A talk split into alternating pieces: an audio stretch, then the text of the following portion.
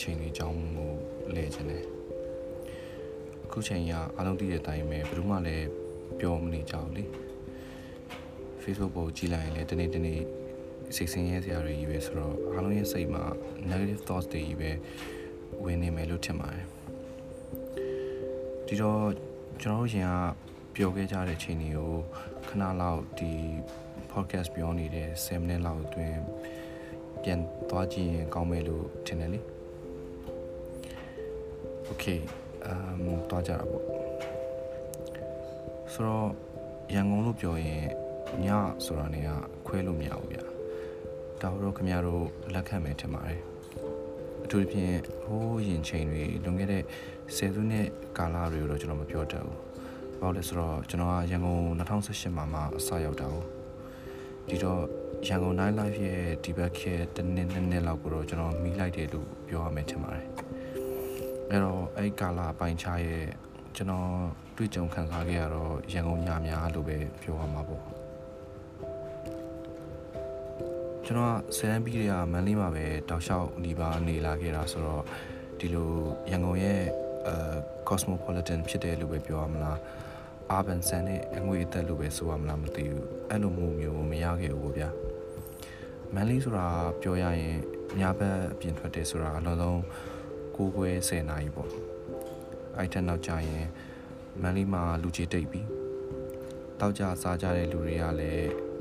10ခွဲ17လောက်ဆိုအိမ်နေပြန်ရအောင်လို့ကျိုးတဲ့လူကကျိုးနားတဲ့လူတွေကလည်းနားကြတာများတယ်မလား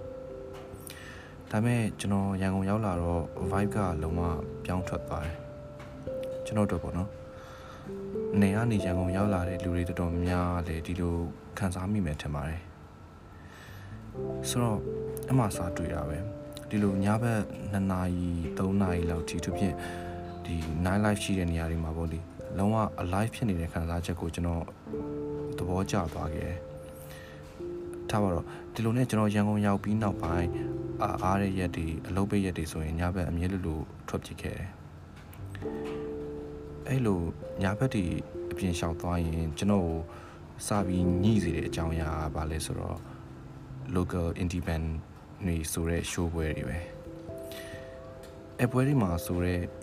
indie band တွေထဲမှာမှကျွန်တော်ဆောင်ရမ်းကြိုက်ခဲ့တဲ့အဖွဲ့တစ်ဖွဲ့ရှိတယ်အဲဟာ the pieces ပေါ့နော်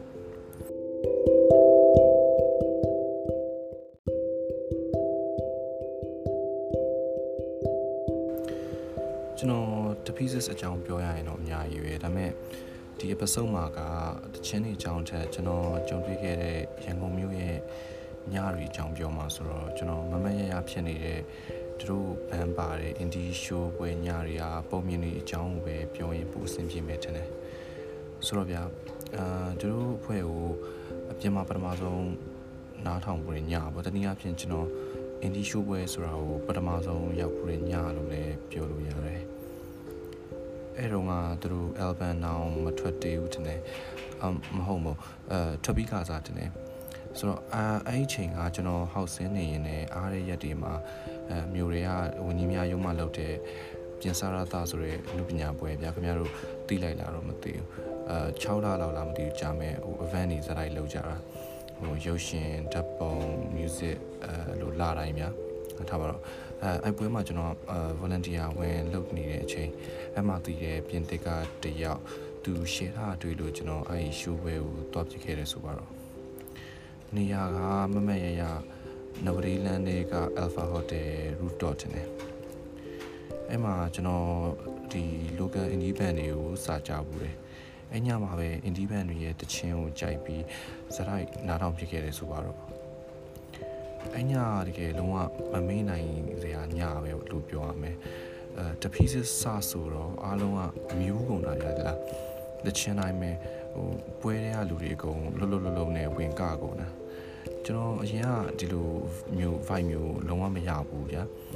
အရင်ကအဲသွားဖို့ရဲ့ show ဆိုတာကနည်းနည်းနာမည်ကြီးတဲ့ဆိုတော့တွေလာတဲ့ပွဲမျိုးတွေပဲသွားဖို့တာဟို rock ဆိုလဲ rock hip hop ဆိုလဲ hip hop သွားဖို့ပါတယ်ဒါပေမဲ့ ဟိုရတဲ့မှုကလုံးဝမတူဘူးအဲ့ဒီမှာဘယ်လိုပြောရမလဲမသိဘူးအားလုံးက happy ဖြစ်နေတဲ့ခံစားချက်မျိုးဗျာအရင်ကြည်ပူးတဲ့ရှိုးပွဲကြီးလိုမျိုးလိုမူအပြည့်နဲ့ဖြဲနေတာမျိုးလည်းမဟုတ်ဗျာလုံးဝဟိုပေါ့ပါလို့ ਨੇ ဒီလိုဆိုနေတဲ့ band နဲ့အောက်က audience နဲ့လုံးဝလက်တကလက်တကန်းစာလောက်အကွာမှာဒီတချင်းတွေကစင်တန်တီတီတောင်တောင်နေကြတဲ့မှာအတူတူမျိုးပြီးတော့ vibe နေကြတဲ့ခံစားမှုကတကယ် မမိတ်နိုင်စရာခံစားချက်လိုပဲပြောရလိမ့်မယ်တင်တယ် fuck ဆောင်းလွမ်းဝါရအဲရန်ကုန်ညရဲ့ indie show ဝဲတွေအကြောင်းပြောရင်ကျွန်တော်အမြဲအမှန်ရမိတဲ့အကြောင်းအရာတစ်ခုရှိပြီပြောရရင်တော့ရည်စရာလေးပေါ့ဗျာအဲဒီလိုဗျာကျွန်တော်ရန်ကုန်မရောက်ခင်တည်းကအာ online မှာတည်ပြီးတဘောကြားခဲ့ဘူးတဲ့ကောင်မလေးတယောက်ရှိရဲ့ဗျာအဲ့ဒီကောင်မလေးကိုစာတတိထားမိတာလည်းတချင်းနေနဲ့ပတ်သက်တယ်ပေါ့ဗျာ သူနားထောင်နေသူကြိုက်တဲ့တချင်းတွေကမိုက်တယ်ပေါ့သူ music taste ကိုကျွန်တော်ကြိုက်တယ်ပေါ့ဗျာထားပါတော့ဆိုတော့သူနဲ့ online မှာစကားတွေပါပြောပြရင်လည်းအဲရန်ကုန်ရောက်လာတော့လေသူနဲ့တစ်ခေါက်တွေ့ပြတယ်ဒါပေမဲ့အဲအကြောင်းကြောင်းကြောင်းဘာမှတော့ဆက်မဖြစ်လိုက်ဘူးပေါ့နော်သူကလည်းရုပ်တရက်ကြီးအီးစားကောက်ရသွားဥမာကိုကဟပ်ပိုင်ငယ်ကြံခဲ့ပေါ့နော်ဖီဖီရယ်ပေါ့ဖာညာပေါ့ဗျာဖြစ်ချင်တော့အဲအဲ့နောက်ပိုင်းကျွန်တော်ညဘက်တီထွက်အဲ initial way သွားပြီဆိုရင် အခောက်တိုင်းတူတူဗျာသူတို့အတွေ့နဲ့တော်တော်တူတယ်တကယ်အချိန်တိုင်းလို့လို့ကြီးကြီးကအထူးသဖြင့်အဲ the pieces ပါတဲ့ပွဲတွေဆိုလို့ရှိရင်ဟို10ပွဲရှိ10ပွဲလုံးတို့နဲ့ပတ်ပင်းကြီးတွေ့ရဗျာကျွန်တော်ကလည်းအဲ့လိုရီရမလို့ငိုရမလို့သွားပဲနှုတ်ဆက်ရမလို့ပေါ့သူကလည်းကျွန်တော်ပြုံးပြရမလို့ရှောင်ထွက်ရမလို့အဲ့လိုဦးကြောင်ကြောင်လေးဖြစ်ကုန်တာပေါ့ဗျာနော်အာဟာရှိမှပွဲကကောင်းနေလူတွေကဟိုမြူးချွာပြီးတော့မှခုံနေကနေနေအဲ့လို သူတို့နှစ်ယောက်ရှိတဲ့ဘက်ကိုကြည့်မိလို့ရှင်ဟိုမျက်နှာပူလာလို့လို့နဲ့တစ်ဖက်ကိုပြန်လဲလိုက်ကားလိုက်တယ်ရီရောရီရပါတော့အဲကြောင့်နောက်ပိုင်းဟိုတပီးစရဲ့ပွဲတွေသွားပြီဆိုကိုမှဖျားတတပြီးသွားရတယ်သူတို့နဲ့မတွေ့ပါစေနဲ့ပေါ့မျက်နှာပူလို့ပါဘူးဒါပေမဲ့လည်းစူတောင်းတော့မပြေပါဘူးအခောက်တိုင်းတွေ့တာပါပဲအဲကြောင့်လည်းမျက်နှာပူပူနဲ့ပဲတွန်းရတာပေါ့ဗျာနော်ခုပြန်တွေးကြည့်ရင်တော့ဟိုရည်စရာအမတ်ရစရာတို့ပြောရမှာပါပဲ အာရန်ကုန်မြို့ရဲ့ညတွေကကျွန်တော်တို့နောက်ထပ်အမတ်ရစရာတစ်ခုကိုပြောရမယ်ဆိုရင်မြို့တွေကဘားတစ်ခုအကြောင်းနဲ့ခြံခဲ့လို့တော့မရအောင်အဲခုနောက်ပိုင်းကိုဗစ်စပြီးမဖြစ်ခင်အချိန်ဝန်းကျင်လောက်တည်းကစပြီးတော့မှအဲ့ဘားကလည်းရင်တော့ပြောစရာမကောင်းတော့ပါဘူးဒါပေမဲ့ကျွန်တော်ရန်ကုန်ရောက်ကစား2018ဝန်းကျင်အချိန်တွေတုန်းကဆိုရင်အဲအဲ့ဘားကကျွန်တော်ခဏခဏဆိုလို့ရောက်ဖြစ်တငယ်ချင်းတွေနဲ့လည်း hang out လုပ်ဖြစ်တဲ့နေရာလို့ပြောရမယ် အဲတချို့တွေလည်းတီးမှာပါအဲ့ဘားအာခုနောက်ပိုင်းတော်တော်များများသွားနေကြတယ်ဘားလေလို့ fancy လည်းမဖြစ်ဘူးအဲခန်းခန်းနားနားလည်းမရှိဘူးရပြောရရင်နေရာခက်ချင်းချင်းမှာလူကခက်များများနဲ့တခါလေညင်းတူတူကြီးလို့တောင်ပြောလို့ပြရတယ်အဲဒါပေမဲ့အဲ့အချိန်ကအဲ့ဘာရဲ့ underground ဆန်တဲ့ပုံစံကိုကျွန်တော်တဘောကြာနောက်ပြီးထူးဆန်းတာတခုပြောရမယ်ဆိုရင်ကျွန်တော်အဲ့ဘာသွားပြီဆိုရင်ပထမဆုံးတစ်ခေါက်သွားကြရဗျာကိုတီးရလူတယောက်မဟုတ်တယောက်နဲ့တွေ့တာပဲ ဟဲ့အမြဲပဲကျွန်တော်ကတခါလေလူတွေနဲ့အဲ့လိုချင်းချက်လို့မှပြင်းတယ်လို့ဆိုစိတ်ကူးပေါက်ရင်တယောက်တည်းအဲ့ဘာမှတော်တော်ထိုင်တယ်ဗျာဒါပေမဲ့ဟိုစိတ်ပူစရာမလိုလူနည်းနည်းစီလာပြီဆိုတာနဲ့ပြေးကြတယ်အဲ့ကိုကိုနဲ့တည်ရလူအနည်းဆုံးကိုမြင်မှုတဲ့ကိုမြင်မှန်းတမ်းပြေးလူလူတယောက်မဟုတ်တယောက်နေရတော့အဲ့ဘာမှတော်တော်တွေ့တာပဲဆိုတော့အဲညာကြီးကပြင်းစရာမကောင်းတော့ဘူးညာနော် အာအဲ့ဘာမှပဲစားတည်ပြီးနောက်ပိုင်းတော်တော်ရင်းနှီးသွားတဲ့လူတွေလည်းမနေဘူးအဲ့ဒီထဲမှာမမတ်တင်တင်ဖြစ်နေတဲ့လူတွေကိုပြောရမယ်ဆိုရင်အဲတယောက်ကတော့ကျွန်တော်အရင်ကောင်းပါလေးပေါ့သူကြောင့်တော့အများကြီးဆက်မပြောတော့ပါဘူးတော့ကြာနိုင်ငံခြားကနေကျွန်တော်လာရိုက်နေမှာဆိုလို့အာနောက်တစ်ယောက်ကကျွန်တော်နဲ့အခုတော်တော်ကြီးခင်တဲ့တငယ်ချင်းတယောက်ပေါ့နော်အဲကျွန်တော်နဲ့ခင်တဲ့လူတွေဆိုရင်တော့ကျွန်တော်အိမ်မှာကြောင်လေးတစ်ကောင်ရှိရသိပါလိမ့်မယ် အဲအဲ့ကြောင်လေးကလည်းသူမွေးဖို့အဆင်မပြေလို့ဆိုပြီးကျွန်တော်စီရောက်လာတာအခုတော့လည်းကိုသမီးလေးဖြစ်နေပြီပေါ့နော်သူနဲ့စားတွေ့တာလည်းတော်တော်ကြီးရတယ်သူနဲ့ကစားချင်း online မှာပဲခင်တာဗျာဖြစ်ချင်တော့တညမှာကျွန်တော်ကအိုက်ဘားကိုတယောက်တည်းသွားထိုင်တယ်အဲ့မှာည9ဝဲလောက်ဆိုရင်အဲ DJ ကတချင်းနေစဖွင့်တယ်ဗျာဖွင့်ရင်လည်းလုံးဝဟို Latin dance တွေပဲဖွင့်တာဗျာဒီမှာဆိုတော့လူရထုံးတဲ့နိုင်အဲ DJ ရှိက dancing floor အဲခချင်းချင်းလေးမှာတူးပြုံမျိုးကနေကြတော့ အဲ့မှာတချင်းတစ်ပုတ်စုံတော့အဲ DJ ကကျွန်တော်ကြိုက်တဲ့အဲ70တင်တယ် disco တစ်ပုတ်ကိုထားပွင့်တယ်ဘာတချင်းလဲဆိုတော့ဟိုအဟာရဲ့ take on me ကျွန်တော်အဲ့ဒီရှင်းချရင်ဟိုမရဘူးလူကထွန်းနေလာရော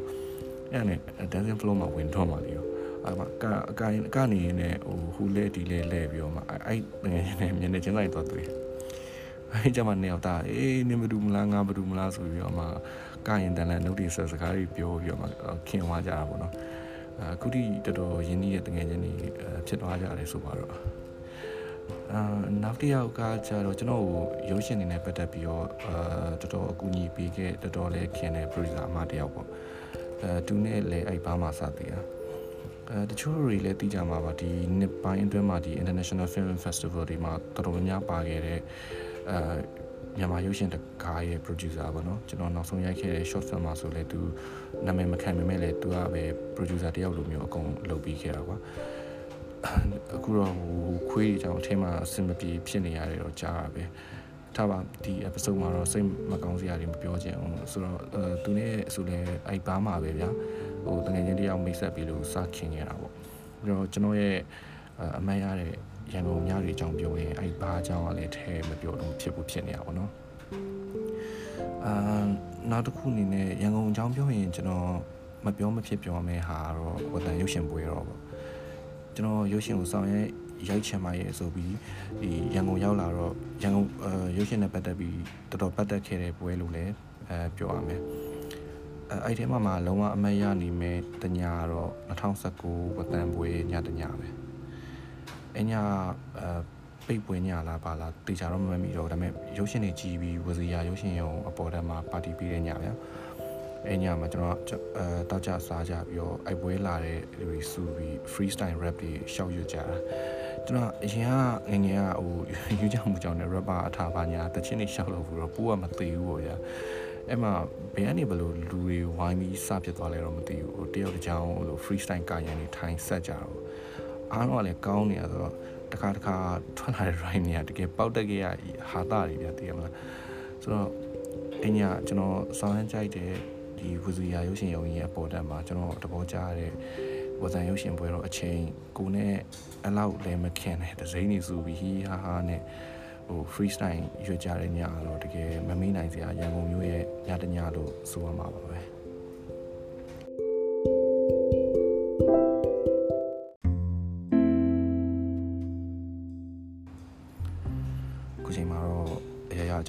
ရာအကြောင်းကြောင်းကြောင့်ဒီလိုပြောစရာကောင်းတဲ့မျိုးပြညတွေကိုကျွန်တော်တို့ဘယ်ချိန်မှပြန်ရတော့မလဲဆိုတာမရေရာမသိကြတော့